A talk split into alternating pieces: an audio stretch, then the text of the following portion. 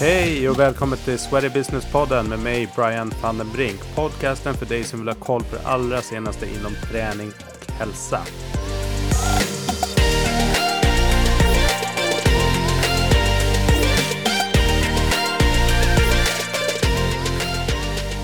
Varmt välkomna tillbaks till ytterligare ett avsnitt av Sweaty Business-podden. Och idag är vi i alla fall virtuellt, digitalt på besök uppe i Skellefteå på 360 träningscenter. Och med mig har jag Annie Fältman. Välkommen!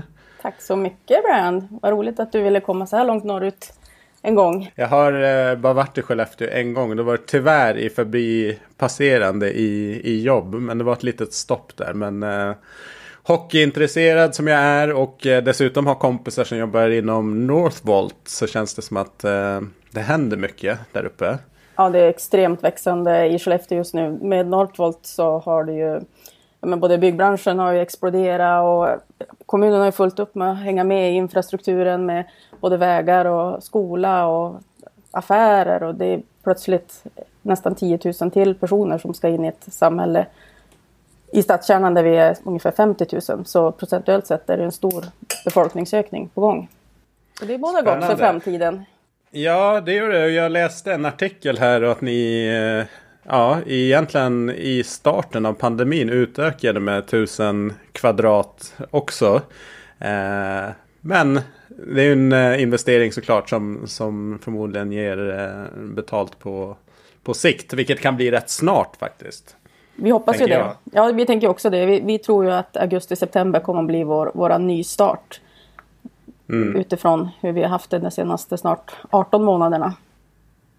Ja, det hade varit en knökig period. Vi kommer in på det lite mer sen.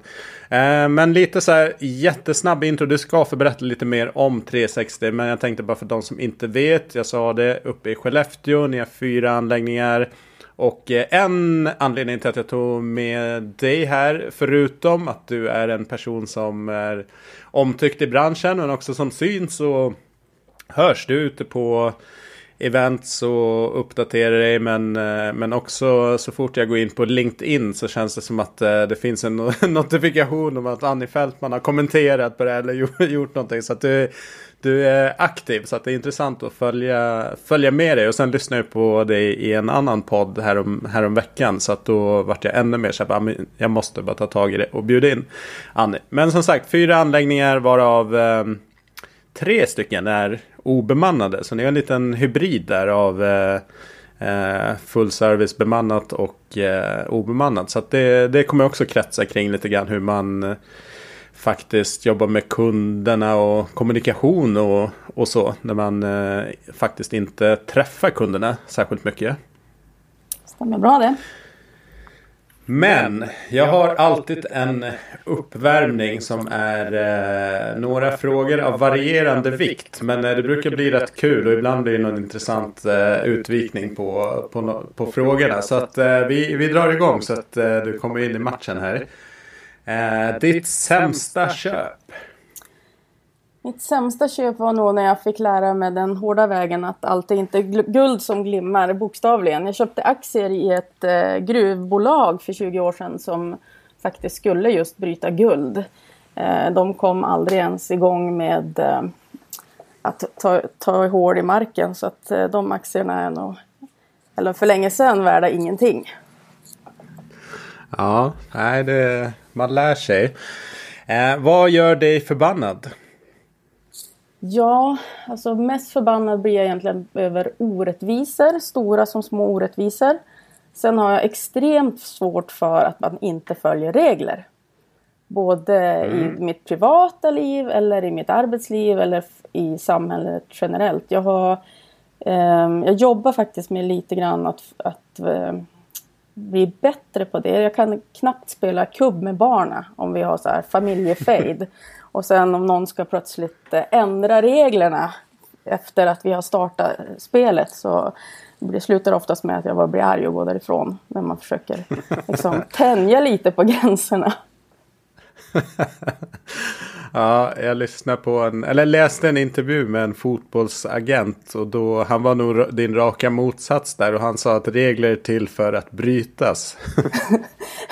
jag, jag kan absolut ändra reglerna om vi har bestämt det i förväg. Men inte under pågående match eller spel.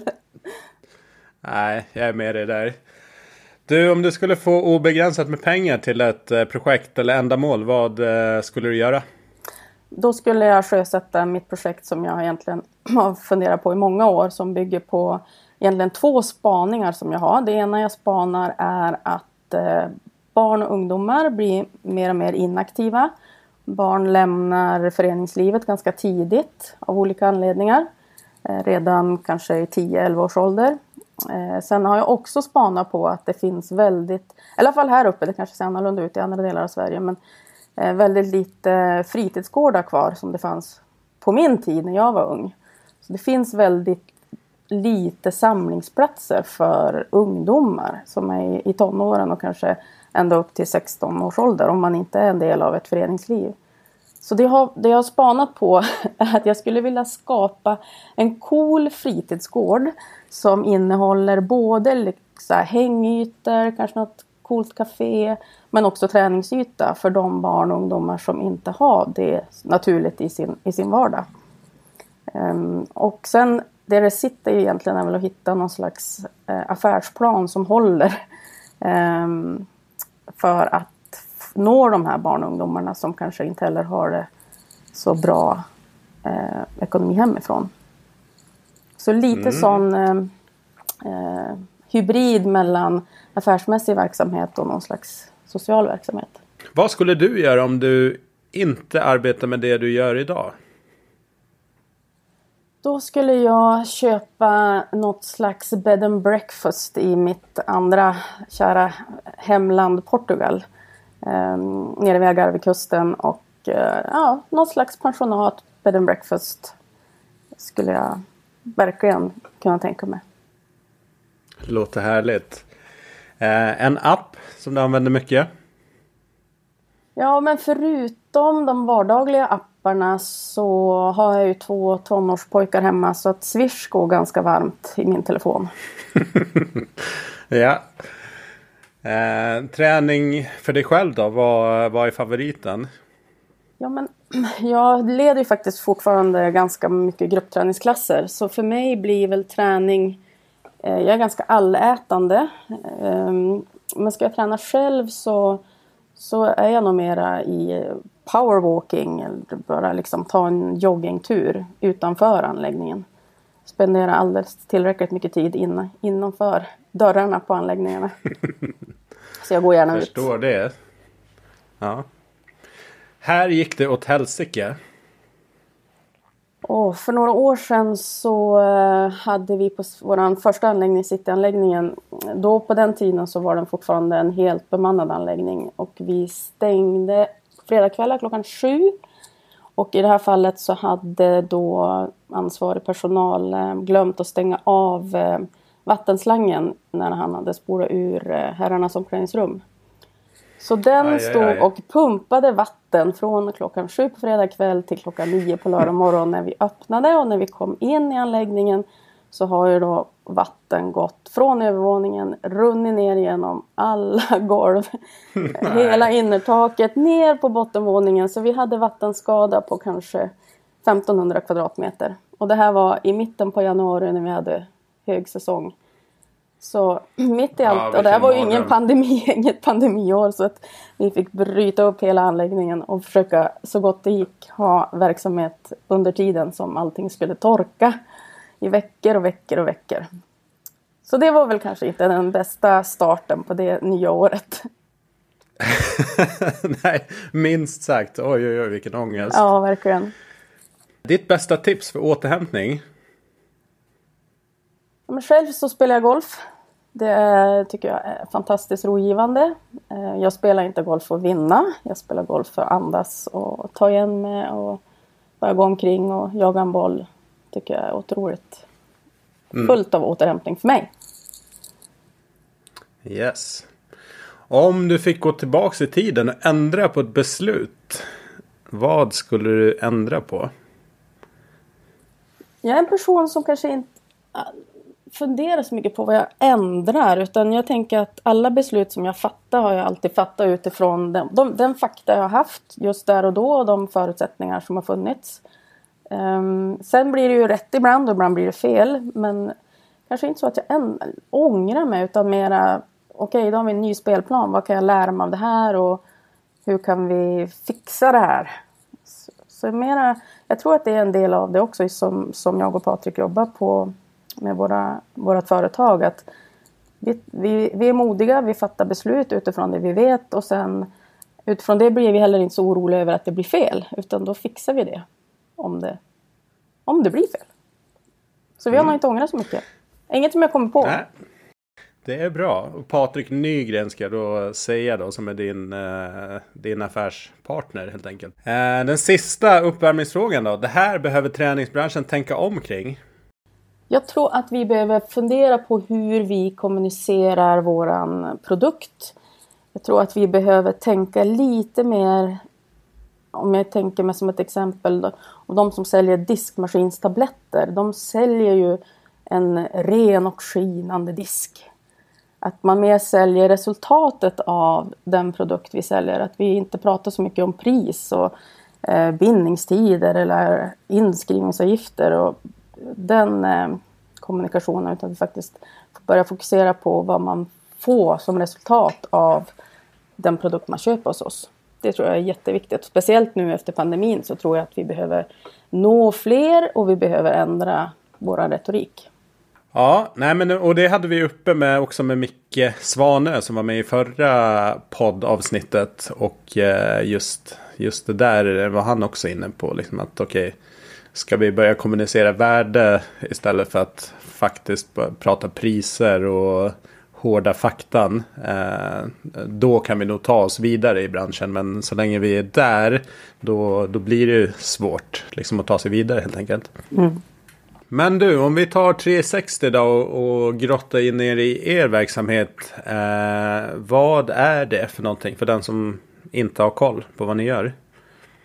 360 är ju idag fyra stycken anläggningar. Den första öppnade vi 2009 som följdes sen av 2011, 2015 och 2016. Ehm, den första anläggningen är ju då den eller, ja, är fortfarande den största som är 2200 kvadratmeter. Det är en fullserviceanläggning med all, all gruppträning och spinning och indoor walking och en liten box och allt. Ja, helt enkelt en fullservice. Sen är två av de andra anläggningarna är lite mindre anläggningar eh, utan gruppträning. Och sen den sista då som du pratade om här i början av vårt samtal Brian, med, som vi byggde ut förra året som är nu närmare 1800 kvadrat och också nu är en fullserviceanläggning i den bemärkelsen att den har träningsinnehållet. Dock har den inte en reception. Så det är en jättestor anläggning utan en receptionsområde. Vilket är väldigt mm. intressant att se hur den fungerar. Eh, vi kanske kommer in längre fram i samtalet kring det men jag, jag jobbar i branschen många, många år. Eh, och eh, det ställer ju lite grann sina gamla erfarenheter och kunskaper på sin spets. Utmanas att är det jätteviktigt med en reception och personal på plats för att bibehålla retentionen? Eller funkar det ändå? Och det är väl lite grann det som mm. vi ser nu kan jag tycka. Att det går bra ändå. Om man har rätt stöd på plats såklart. Eller hur? För att det är väldigt... Eh... Ja men precis som du är inne, man kan nog inte bara ta bort någonting utan att ha någonting annat som kanske supportar. Eh, jag misstänker att i det här fallet liksom olika digitala stöd så att man ändå kan, kan ha kommunikationen och sådär. Och sen eh, att man som kund förmodligen då kan kontakta er när man verkligen behöver hjälp. Men kanske de vardagliga grejerna som man gör när man kommer till... Alltså det, många kan nog säkert sköta sig själva ganska bra. Absolut. Som medlem hos er då, nu har ni olika typer av anläggningar, men vad kan man förvänta sig? Liksom? Vad är er kärnan? Värderingar kanske? Ja, men vi försöker eh, och ligger ofta i framkant. Vi försöker vara hel och rena, precis som personalen ska vara. Så att anläggningarna också är eh, hela. Eh, går någonting sönder ska det fixas så att allting eh, alltid är uppdaterat. Eh, vi är ofta i framkant med de senaste innovationerna. Ibland kanske är vi lite för tidiga. Eh, jag såg nu en, eh, en kedja i Sverige som har tagit hem in ett, eh, ett digitalt stöd som man kan träna hemma mot typ en spegel där man reflekterar det man, det man gör eller följer i, i sin träning. Och det hade vi hos oss för, för fyra år sedan. Och då gick det inte särskilt bra. Så vi la ner det. Men det kan ju vara så mm. att, vi, att vi var lite för snabba med det. Eh, att det hade funkat bättre idag efter coviden. Att, att det hade varit en grej. Jag tror att man kan också förvänta sig att vi, är, att vi levererar det vi har utlovat. Att vi är konsekventa i, i vår leverans till våra medlemmar. Man får det man köper. Mm.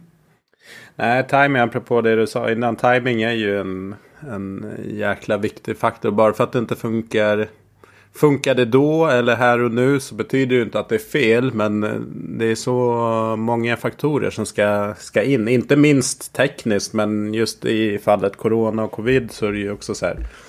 Beteendena och vanorna kanske har förändrats för en hel del. Och att man eh, säkerligen kommer ha lite mer blandkonsumtion än, än tidigare. Eh, många människor att de kan tänka sig att köra vissa grejer hemma. Eh, till skillnad mot tidigare. Man kanske gjorde allt på ett gym till exempel. Så att det blir intressant att se. Men eh, din egen eh, resa då in i, i träningsbranschen. Hur har det sett ut?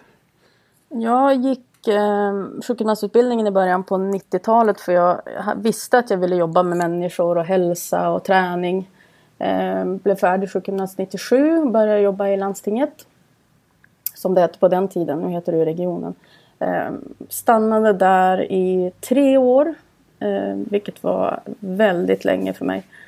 Och ehm, kände väl ganska på en gång att utifrån att jag alltid har varit entreprenör, jag startade mitt första företag när jag var 16, så kände jag först, ganska snabbt att jag kommer inte kunna fungera i den här organisationen. Eh, och då började jag tänka så här, ja men om jag inte ska jobba nu med människor och hälsa i, i en politiskt styrd organisation, var, var ska jag vara då? då? Och då hade jag ju sedan i många år jobbat som eh, gruppträningsinstruktör så då kändes steget ganska nära att kliva in i träningsbranschen. Så från, eh, från 2000 har jag jobbat heltid med, med bara med träning i den här branschen. Mm. Härligt. Du, en eh, fråga eller en diskussion som ibland som, som jag kan få till mig på, på Sweaty Business. Folk mejlar in eh, och så. De kanske ska starta någonting eller liksom expandera och så, så vissa kan vara lite där, kommer det här att funka? Nu skrev jag i min fråga så här lite mindre städer. Skellefteå är inte så, så litet, men om man liksom det är inte det är inte de största städerna Liksom. Eh, och, och, en del kan vara rädda för att det kommer inte flyga. Eh, men ni har ju bevisat liksom, uppenbarligen att, eh, att det funkar i en stad som, som Skellefteå. Liksom, att utvecklas och växa med staden. Hur kommer det liksom, självförtroendet och hur har ni känt att ni, ni har kunnat ta de här stegen? Det kommer väl av dels att ehm, men 2009 när vi öppnade första anläggningen så tror jag penetrationen i Sverige var 17 procent på, på hur många som besök, eller hade ett medlemskap i alla fall på gymmen. Och om det är 17 procent som har så finns det utrymme för betydligt fler som faktiskt eh, kan, kan tänkas att komma mm. på en träningsanläggning. Så utifrån det kände vi att det finns ju inga hinder i Skellefteå att det ska kunna finnas plats för fler. Och utif- sen har det ju, jag tror att, jag vet inte om du har sett de senaste siffrorna, men jag tror att det är på 21 procent nu. Eh, ja, penetrationen ja, i exakt, Sverige. Ja. Vi ligger ju väldigt bra till för, eh, om inte högst i Europa. Men det finns ju mm. fortfarande mm. en stor mängd människor som behöver oss. Jag tror att framförallt så handlar det om att vi har försökt hitta målgrupper, anpassa verksamheten till att, eh, att passa fler att sänka trösklar är ju egentligen vårt huvudfokus i vårt vardagliga arbete. Mm. Och då eh, kan man ha det mindsetet så finns det ju plats för massor fler anläggningar. Inte bara i Skellefteå utan hela Sverige. Verkligen.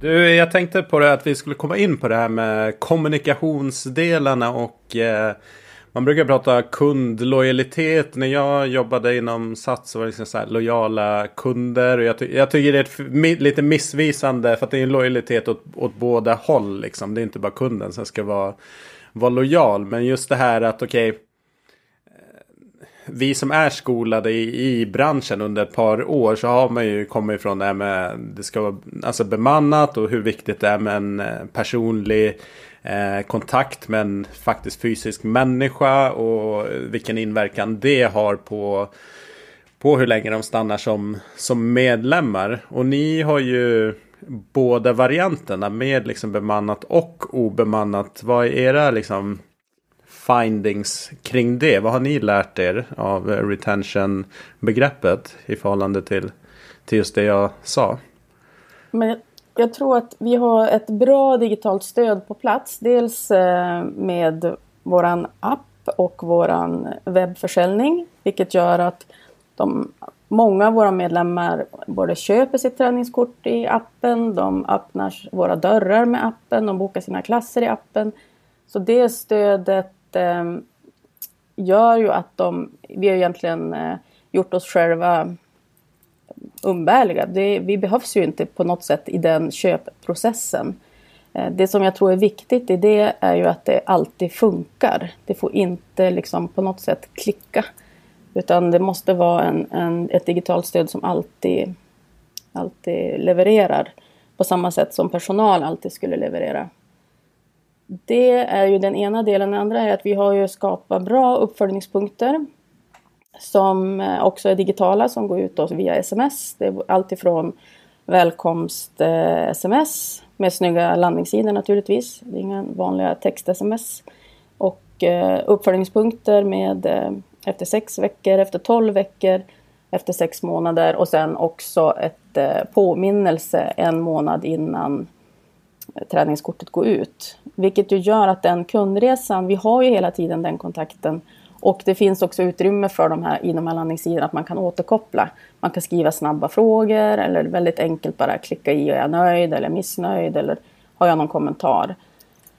Eh, och till det så har vi också utställt då på våra anläggningar eh, sådana vepor med en QR-kod.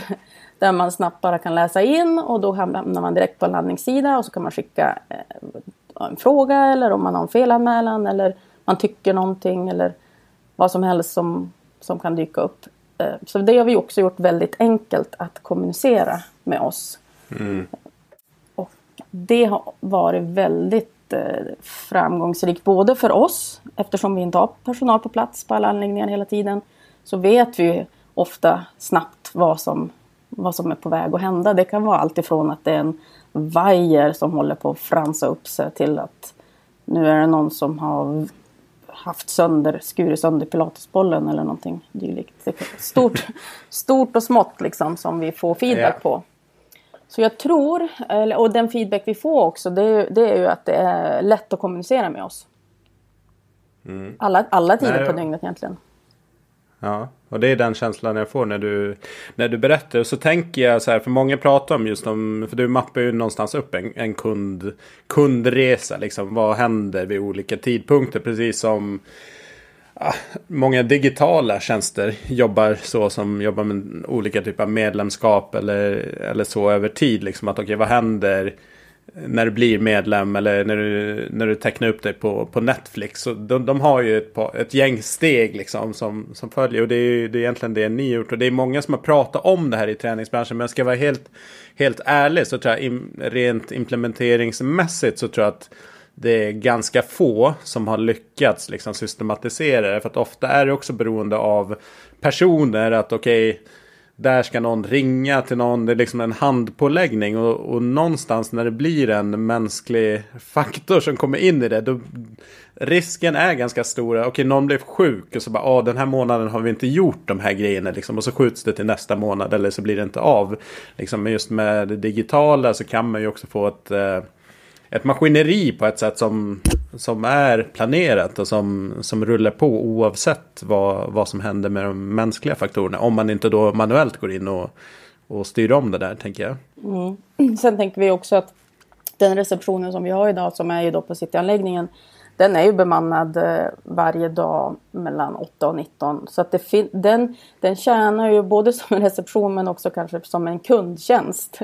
Dit jag ringer eller vänder mig om, om det skulle vara någonting som jag inte kan lösa själv digitalt. Lite som mm. jag tänker att jag själv gör med många av de, de eh, tjänster som jag köper idag. Om det så är resor eller min bil eller bankärenden eller något. Oftast själv, jag gör det mesta själv men i, i någon gång ibland behöver jag prata med en, en människa. Mm. Och då blir det ju kvalitet det, det för att förmodligen så man filtrerar bort massor av kundärenden som egentligen inte behöver att någon människa lägger sin hand på. Och de som väl når fram eller ringer de behöver ju verkligen eh, hjälp så att man kan få kvalitet i de interaktionerna själv. Och jag, nu när vi pratade förra veckan kring inför den här podden så sa jag just det, men när man själv är ute och reser till exempel. Att för mig att ställa mig i kön för att checka in eh, på flyget. Det är så här. Varför ska jag göra det? Liksom? Det kan ju lika bra göra i automaten, skriva ut mitt boardingkort, lägger bagaget på vagnen och så spenderar jag mer tid och shoppar runt eller käkar eh, god mat innan, innan planet går. Istället för att liksom det går 45 minuter på att stå i kö för ingenting. Och just den här känslan också av att eh, man äger som kund processen. Jag, de kan kontakta er när som helst. Det är inte alltid liksom någon kommer svara direkt. Men du kan få det här vad ska jag säga, klagomålet eller felanmälan. Du får det inskickat direkt. Det är inte så här som, ibland så kan det ju vara där ett telefonnummer, ring det här. Och så, så här, okej, okay, då ska jag ta tid att ringa upp. Och sen kanske det inte kommer fram. Och sen, nej, jag lägger på. Och så ringer en som anmäler det. Och så går det liksom tid innan, innan ni vet om vad problemet är. Mm. Och tittar man det på en generationsfråga också så det man eh, kallar för millennials eller vad de, vad de heter nu för tiden. För de är ju de vill ju ha snabba klick. Att, att skriva ett mail tror jag är lite för mycket för dem. De gillar ju det här, den här QR-koden att snabbt bara kunna öppna mobilen, landa direkt på sidan och så några ord och så är det klart. Att man inte behöver gå in mm. på hemsidan och hitta formulär och skicka iväg utan det är, det är snabbt, snabbt och enkelt. Och det verkar vara så. Det är det jag spanar i alla fall. Att, eh, så länge det är enkelt så kommunicerar de gärna med oss. Mm. Det blir för invecklat. Det, det är verkligen en, en viktig nyckel. Håller med där. Du, eh, jag läste en eh, väldigt fin siffra på kundretention. Eh, så att ni, ni har liksom lyckats behålla medlemmarna på en, eh, på en väldigt hög nivå år efter år. Hur, ehm, hur åstadkommer ni det? Liksom? Jag tänker att nu kanske det låter som att vi inte har någon, någon fysisk kommunikation med våra medlemmar. Vi har, vi har ju naturligtvis också en, ett fantastiskt team med, med, eh, personal som är helt ovärderliga och skapa möten och glädje, träningsglädje och hela den här gemenskapen. Ehm, så det är väl en av styrkorna. Ehm, det, personalen är ovärderlig. Sen tror jag mm. också just det här att det vi var inne på tidigare med brand loyalty. Att när man har de här digitala lösningarna så blir man kanske lite, lite locked in så att jag har min träningsdata i våran app, i våra system. Jag är van att checka in, jag vet hur det funkar, det är väldigt enkelt. Ska jag byta anläggning så kommer jag måste byta appar också, det digitala stödet.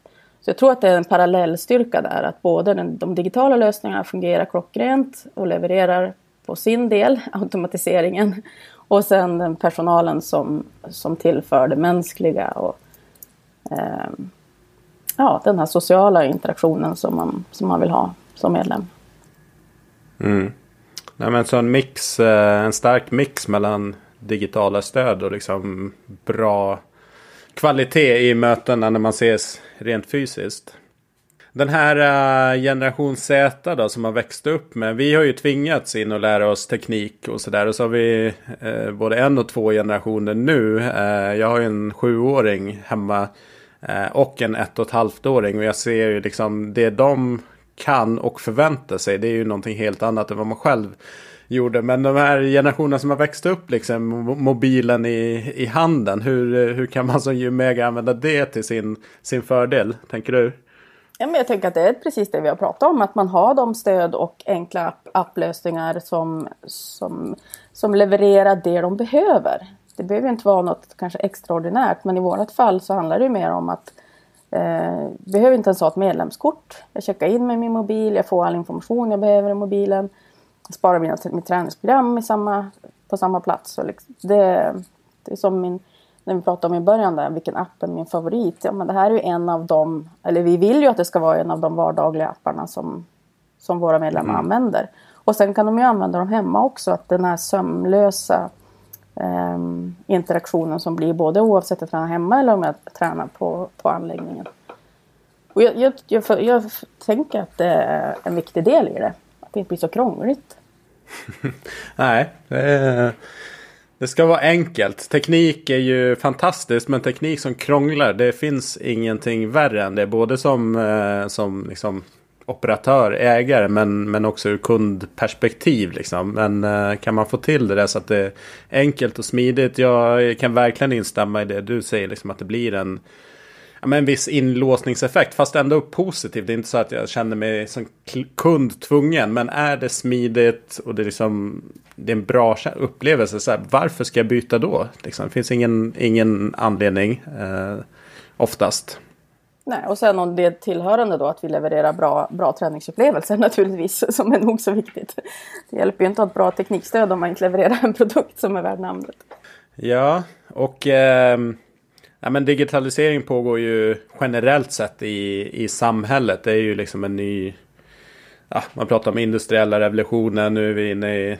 Det är flera olika vågor utav en, en digital revolution. Men det känns som att det går fortare och fortare. Och mycket som har kanske pratats om de senaste åren har ju verkligen snabbspolats och, och realiserats under pandemin. Så att på så sätt ser jag ju en enorm faktiskt ändå en, en positiv effekt av pandemin att när påskynda mycket teknikutveckling och implementering också.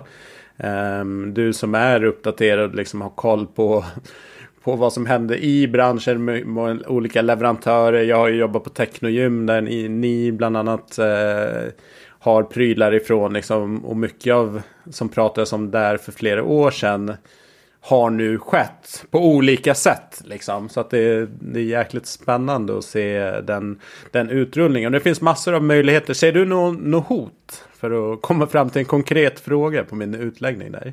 Nej, faktiskt inte. Jag ser det mer som ett komplement till den verksamhet som vi har. Jag ser oss som hubbar där man eh, bedriver sin träning kanske en gång i veckan eller sju gånger i veckan. Jag tror att det vi kommer att se här framöver kanske är mer hybridlösningar på på träning att vi behöver anpassa våra produkter efter det också. Att det kanske är så att jag vill, jag vill komma på anläggningen en gång i veckan och gå på en spinningklass. Och sen vill jag köra eh, Eh, våra digitala träningsprogram två gånger i veckan he hemma.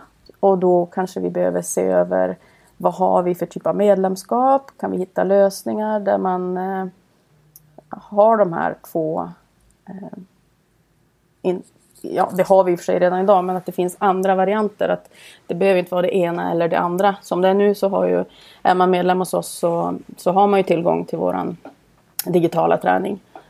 Eh, vi har faktiskt också nu sedan bara två veckor tillbaka satt, sjösatt ett digitalt medlemskap. Att man bara har access till våran eh, digitala träning. Men någonstans right. däremellan kanske, att man har en hybrid. Att jag inte mm. behöver köpa ett helt medlemskap för att vara på anläggningen utan ett medlemskap som ger access någon gång i veckan och resten tränar hemma. Virtuellt. Just det. Vad har ni för uh, digital träning? Så är det sånt har ni spelat? Är det egna koncept som ni har spelat in? Eller är det PT? Eller hur ser Nej, vi har, vi har spelat in våra, våra egna gruppträningsklasser. Mm. Som vi har i vårt innehåll jag tror att det är en styrka att ha egna, eller det är i alla fall den feedback vi har fått. Att, att träna virtuellt, digitalt går att göra på Youtube med vilken instruktör som helst. Det finns väl obegränsat med, med träningsklasser att ladda hem eller titta på, på Youtube. Verkligen. Men det vi har lärt oss de här månaderna är ju att medlemmarna uppskattar ju verkligen att få träna med sina instruktörer. Den mm. igenkänningen eh, både på klasserna, på instruktören, få höra deras röster eh, och ändå känna den här samhörigheten som jag tror är otroligt viktig. Mm. Nej, det, det, är... Eh, jag tror att ni är helt rätt på det. Att eh, ja, digitalt det finns liksom hur mycket som helst. Det är ju inte det som är problemet egentligen. Att eh, det, har aldrig funnits så mycket träningsmöjligheter. Ändå ser man att totala hälsan går ner, vilket är jätte, jättemärkligt. Så det är inte det som är problemet. Och jag tänker också som, som operatör eller som ägare av ett varumärke. Att okej, men hur ska vi sticka ut? Hur ska vi ha något unikt? Och då måste man nog gå till det att faktiskt ha sitt egna innehåll där med folk som man känner igen från, från anläggningen. Att det blir en, en starkare och bättre upplevelse för, eh, för medlemmarna också än att det är någon ja, vem vet liksom. Någon stjärntränare från vart som helst i världen. Men det blir ju inte den, den eh, anknytningen. Nej men precis, det är ju tränare man inte har någon relation med. Eh, så att det, det, jag, jag, tror ju jättemycket på att människor tycker om människor. Jag, därför tror jag ju också att när pandemin lättar för oss så kommer vi att se en snabb återgång till, till anläggningarna. Mm. När det gäller träning. Men jag tror också att vi kommer ha ett fortsatt behov av den digitala träningen. Eh, inte bara det här året utan framöver. Jag tror ju att det kommer vara någon slags hygienfaktor för, för gymmen att kunna erbjuda eh, den digitala träningen.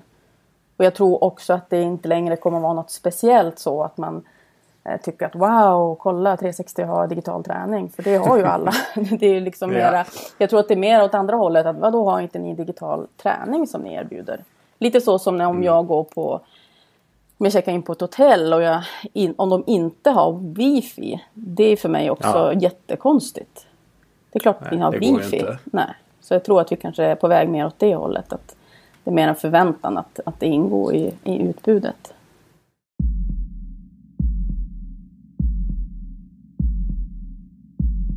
Vad skulle du säga då om eh, er? Vad är era viktigaste faktorer för att lyckas så bra som ni gör? Jag tror att det, att det är en blandning av att vi, både jag och Patrik är väldigt nyfikna på branschen. Vi är eh, duktiga på omvärldsbevakning. Vi är ofta early adapters och ibland lite för snabba som sagt. Vi är lite för tidiga för vår tid många gånger. Ehm, jag tror också att en stor del i det är att vi försöker hela tiden backa hem i värdegrund både i små och stora beslut eh, som ska tas för företaget. Och sen utifrån, känns det bra i magen? Passar det värdegrunden? Har vi fakta så är det inget svårt att ta beslut. Mm. Och sen som vi pratade om tidigare också, ibland blir det ju tokigt naturligtvis men, men eh, då gör vi det bästa av det. Så jag tror att det är lite en blandning av alla, alla de där faktorerna. Ett, ett modigt entreprenörskap men också ett eh, grundat norrländskt eftertänkt. ja men det låter som en bra mix. Men eh, så är det ju med entreprenörskap. Herregud det går inte att kliva rätt eh, varenda gång. Men Eh, plussar man ihop plus och minus på, på allt man gör så, så har det ändå blivit stort plus för er i slutändan. Så att, Absolut. Så är det. Ingen podd i dessa tider utan att ändå liksom skrapa lite på ytan kring, eh, kring pandemin och hur, eh, hur det har påverkat er. Kan du ge oss lite insight i hur, eh, hur de här hur ett och ett halvt åren har varit? men det har väl varit tufft, precis som för alla andra. Det, jag tänker att det har varit flera eh, faktorer som har påverkat oss. Eh, första svängen där förra våren så tyckte vi ändå att det kändes ganska okej. Okay. Vi, vi har hela tiden anpassat oss efter restriktionerna. Vi har följt med, vi har försökt vara tydliga mot medlemmarna i kommunikation. Mm, kändes ändå rätt stabilt inför eh, för hösten. Sen kom ju det där berömda brandtalet där då i november när den svenska befolkningen uppmanades att inte gå på gymmen. Och det mm. blev väl någonstans eh, det svarta hålet som, som drabbade oss. De månaderna, november till februari, tyckte vi det var jobbigt på många... Känslomässigt var det extremt påfrestande. Vi fick ju stå ut med väldigt många arga samtal, eh, arga mejl. eh, och ifrågasatte egentligen vår existens överhuvudtaget. Mm. Att, uh, har, du, har ni inte hört vad statsministern har sagt? Visst är det dags att stänga nu? Ska inte ni ta ansvar? Och, och så vidare. Så den retoriken blev ju förödande för oss. Um, så personalen och, och oss själva inkluderade har ju fått kämpa väldigt hårt för att, att känna att vi får liksom rycka upp oss och, och, komma ihåg vad vi egentligen, vad jobbar vi med? Ja, men vi jobbar med hälsa. Vi jobbar med folkhälsan. Det finns ett existensberättigande för oss. Sen har det ju såklart varit tufft ekonomiskt också. Um, det, det, kan man ju inte sticka under stolen med heller. Så, så mycket känslor på många, många plan eh, som har funnits. Sen har ju, ehm, sen har ju vi försökt att jobba med jag tänker att det är lite det här att hålla huvudet kallt. Att inte hamna i panikåtgärder. Utan att faktiskt ta ett andetag och lyssna in. Vad har vi för restriktioner att förhålla oss till? Hur kan vi ta oss ur det här eh, på bästa sätt? Mm. Så andas tror jag också vi har lärt oss att göra. Djupa andetag innan åtgärd. Ja, herregud. Det är en, eh, nej men en liksom prövande tid. Man måste tänka fram, framåt långsiktigt. Samtidigt som man kortsiktigt ska parera en massa grejer och nästan så här dag till dag. Eh, saker. Det är presskonferenserna som, som haglade dagligen. Liksom. Det gällde ju att ha, ha koll på dem. Så att det är jäkligt prövande tid. Och jag tycker just det där om statsministern och det de gick ut med där i november. Det var liksom...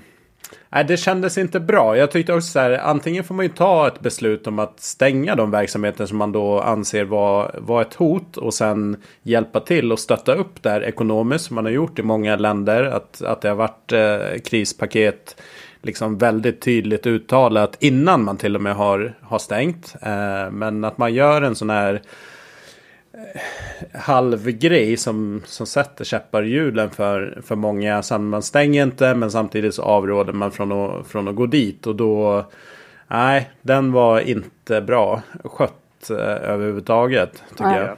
Nej, det blev oerhört hårt drabbat för oss. Det, det var en mörk tid på många sätt, både, både i det norrländska mörkret och, och i verksamheten. Ehm, men samtidigt kan jag tänka att vi har ju lärt oss i, jag tänker att teamet här har ju varit helt fantastiska. Vi har varit på, fått vara snabba på att ställa om. Vi har fått släppa prestige och vi, vi kan inte fundera så mycket nu utan nu, nu provar vi och ser hur det här funkar och så, och så kör vi bara. Peppa varandra och, och hjälpa varandra. Så att Nej, mm. nej men håller med Brian. Det var, det var olyckligt om vi säger så då. Om vi är politiskt mm, det korrekta. Det var det verkligen. Vad tänker du framåt då? Hur, eh, vilka glasögon har du? Positiva eller det fortfarande grumligt? Nej, de är väldigt skarpa och positiva. Jag, jag tror mm. att det här kommer bli riktigt bra från hösten. Eh, och då har jag även tagit höjd för den fjärde vågen. Men jag tror ändå att eh, den ljusnande framtiden är inte bara studenternas utan den är våran också. Från hösten. Ja, jag tror också det. Jag, man är ju optimist såklart verksam i den här branschen. Men, känslan är ändå, och när jag pratar med eh, människor som jobbar i, i branschen känns det som att de flesta har en, en väldigt optimistisk och positiv syn på utvecklingen här framåt. Jag tror faktiskt att återhämtning kan gå mycket snabbare eh, än vad man, vad man kan tro. Jag har eh, pratat med en eh, en gymägare som också har internationella intressen. Och han har ju sagt till länder där det varit helt nedstängt. Eh, men som har öppnat upp nu. Singapore, Australien och liknande. Så har man liksom sett enorm liksom, efterfrågan som är mycket större än, än vad det var innan pandemin. Framåt då? Har du, eh, vi pratar rätt mycket framtidsgrejer, men tror du någonting så här som, som kommer förändras i kundbeteenden och så efter pandemin som vi kommer behöva ta, ta hänsyn till? Jag tänker att det är det vi har pratat om, att de, vi behöver vara förberedda med digitala lösningar. Vi behöver vara öppna för att tänka hybrider inom verksamheterna. Eh, jag tror också att vi som sagt behöver fundera över den kommunikation som vi använder oss av eh, vad är det för någonting som vi vill... Varför finns vi egentligen? Mm. Var, varför går vi på jobbet? Var, varför, varför ska man vara medlem hos oss? Vad är kundnyttan? Och, och mer ham, ham, titta på de bitarna. Och för att nå fler.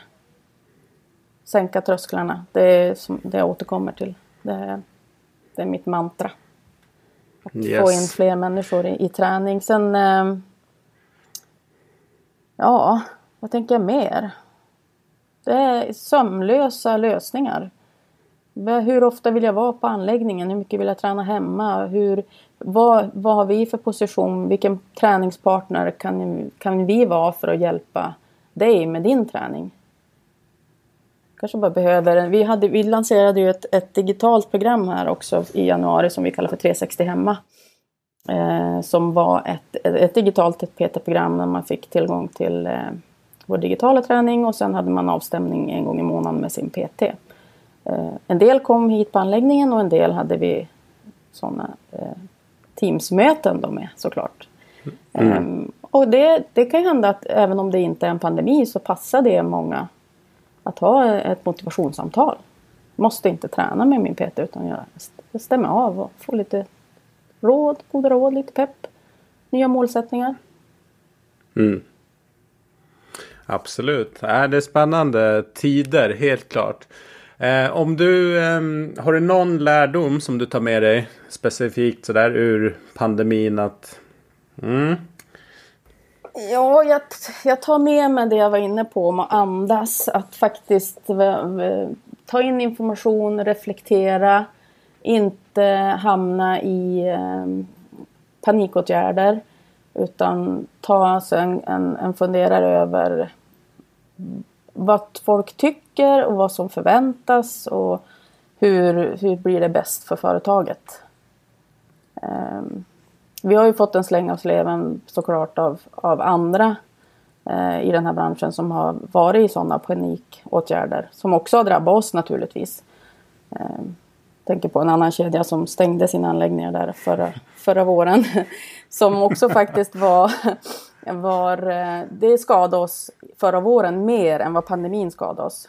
För plötsligt så har man en hel, eh, äh, en hel bransch som i, i retoriken inte tar ansvar genom att hålla öppet. Så att den är också utmanande att parera. Så jag, jag tar nog med mm. mig lite sånt, att, att verkligen fundera över vad, vad, behöver vad, ska vi, vad förväntas vi göra och vad bör vi göra? Och vad, vad, vad får vi mest effekt av både på kort och lång sikt? Ja, nej men verkligen. Nej, den blev eh, konstig den grejen. Men jag, jag undrar så här, har ni, har ni kunnat ta hjälp av eh, om man säger, någon slags community i träningsbranschen? Andra gymägare liksom, där man har kunnat diskutera och liksom prata ihop sig på, på något sätt? Liksom, hur hanterar ni det här och liksom lärdomar så? Absolut, jag har varit i kontakt med många olika aktörer på, både i Sverige och, och internationellt. Jag har ju ett ganska stort nätverk eh, internationellt också och vi har haft eh, ganska mycket möten eh, informella och formella möten och prata igenom. Och vi har ju alla haft olika förutsättningar. Men det är skönt att ha ett stöd eh, både inom landets gränser och eh, utanför. För det finns ju andra, andra europeiska länder som har haft det betydligt tuffare än vad vi har haft det i Sverige. Verkligen, så är det. Både du Patrik är ute och rör er och är om sig och kring sig. Men vad hämtar ni? Eh, för att vara konkret, andra som kanske också söker inspiration och sådär. Har du tips på vad man kan, eh, kan kolla? Och vad brukar ni röra er någonstans för att få ny input? Men vi rör oss ju mycket både på de mässor som finns, både i Sverige och i Europa. Ursa har ju till exempel en trevlig kongress varje år, inte pandemiår då naturligtvis. Eh, som eh, alternerar mellan olika städer i Europa. Eh, den tycker jag är väldigt bra, både för att träffa leverantörer men också för att gå på en del föreläsningar och, och, fram, och träffa branschfolk naturligtvis. Och den går ju både i Europa och i USA. Ursa till mm. exempel. Eh, sen tycker jag att FIBO är en jättetrevlig mässa att åka på. Med samma, även om det inte är föreläsningar så mycket där då, så, så träffa, träffa branschen. Hänga både både inom arbetstid och utanför arbetstid. Det kan vara ett bra sätt att, skapa det här nätverket som man har mycket nytta av i vardagen. Verkligen. Yes. Du, eh, en ny fråga här som jag har eh, slängt in. En snackis. Har du någon sån som du tror kommer... Något ämne, någon spaning som du tror vi kommer eh, få höra surras om i, när vi går framåt här? Jag lyssnade in en spaning. Jag hörde någonstans att man kanske kan tänka sig att vi, vi vrider oss lite grann mer i, i hälsofacket. Att kanske erbjuda, inte regelrätta hälsokontroller som man tänker sig på vårdcentralen, men att faktiskt ha, göra sin årliga hälsocheck. Um, om man kunde paketera det på ett bra sätt och jag tänker att om vi skulle göra det i hela branschen så att det blev självklart att, att gå faktiskt och, och få göra en litet, ett litet test och få ett, ett mm. kvitto på hur, hur mår jag egentligen och då kanske inte pratar absolut inte om blodprover och sådana delar utan vad har jag för fysisk kapacitet? Om man kunde få till det så att det var självklart oavsett man var medlem på anläggningen eller inte. Utan att det var, vi var en självklar partner för, för den typen av kontroller. Så tror jag att vi skulle kunna höja vår status i branschen. Att vara faktiskt ett häls en hälsoanläggning snarare än ett gym. Ett ord som mm. jag för övrigt vänder mig mot. Jag eh, skulle vilja tvätta bort det. jag, skulle vilja att vi var träningsanläggningar. när jag skriver texter så jag studsar alltid till när gym är med på ett eller eh, ett eller annat sätt. Så jag tycker det är ett jäkligt begränsande ord och oftast en ganska negativ, tyvärr negativa associationer som många har till just gymbegreppet. Och jag tror också att det begreppet är en anledning till att vi har varit hårt ansatta under pandemin. Att det är många som lever kvar i den från 70-talet hur gymmen såg ut på den tiden. Att man har den bilden framför sig när man funderar på vad man gör på ett gym. En litet källarlokal mm. kanske med lite hantlar och dålig ventilation och annat. Så ser det inte ut idag. Vi är stora anläggningar. Många av Nej, oss i alla fall. Helt, helt annorlunda. Ja. ja men det var en jätteintressant. Jag tror... Eh, eh, ja, tiden får ju utvisa. Men, men det känns också när jag pratar med folk och vad jag ser att börjar, många går liksom i de här tankarna, liksom hur kan vi vara del av något större istället för bara vara en liten sidohörna, gym och liksom träning. Utan okej, okay, hur passar vi in i liksom hälsopusslet och hur passar vi in definitivt i liksom folkhälsopusslet där eh, vår, vår liksom, alltså träningsanläggningar och friskvårdsanläggningar har ju en jättestor påverkan. Men upplever jag kanske inte får den credden och liksom det erkännandet brett. Jag kan tycka att många politiker har ganska också lite nonchalant hållning till det. Att det blir just det, ja men gymmen. Eh, därför där håller man på med det där liksom. Och hoppar och skuttar. Men det är så mycket mer än så. Och sen kanske det är, jag vet inte, vi har säkert en hel del att skylla oss själva för hur det har kommunicerats och, och så vidare. Men, men så viktig, viktiga som, som aktörerna i branschen är för ja, för Sverige, för världen, eh, så, så borde det komma högre upp i prio. Definitivt inte vara någonting som man lite så här nonchalant fnyser åt nästan. Mm. Jag håller med dig.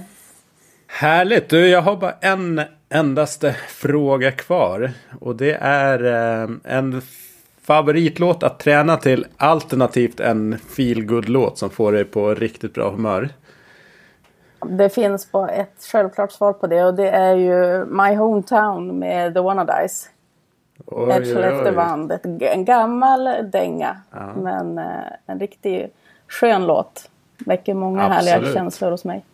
Håller verkligen med. Det blir en superbra avslutning på det här avsnittet. Jag kommer länka in eh, till er hemsida och sociala mediekanaler i eh, avsnittsbeskrivningen om man vill gå in och kolla på vad ni gör för någonting på 360. Um, ehm, och därmed vill jag också säga stort tack till dig Annie för att du tog dig tid och delade med dig av dina tankar och det ni gör på 360 så att andra i branschen också kan inspireras och få andra perspektiv på det de gör. Mm, tack så mycket Brian, det var jättekul att få vara med.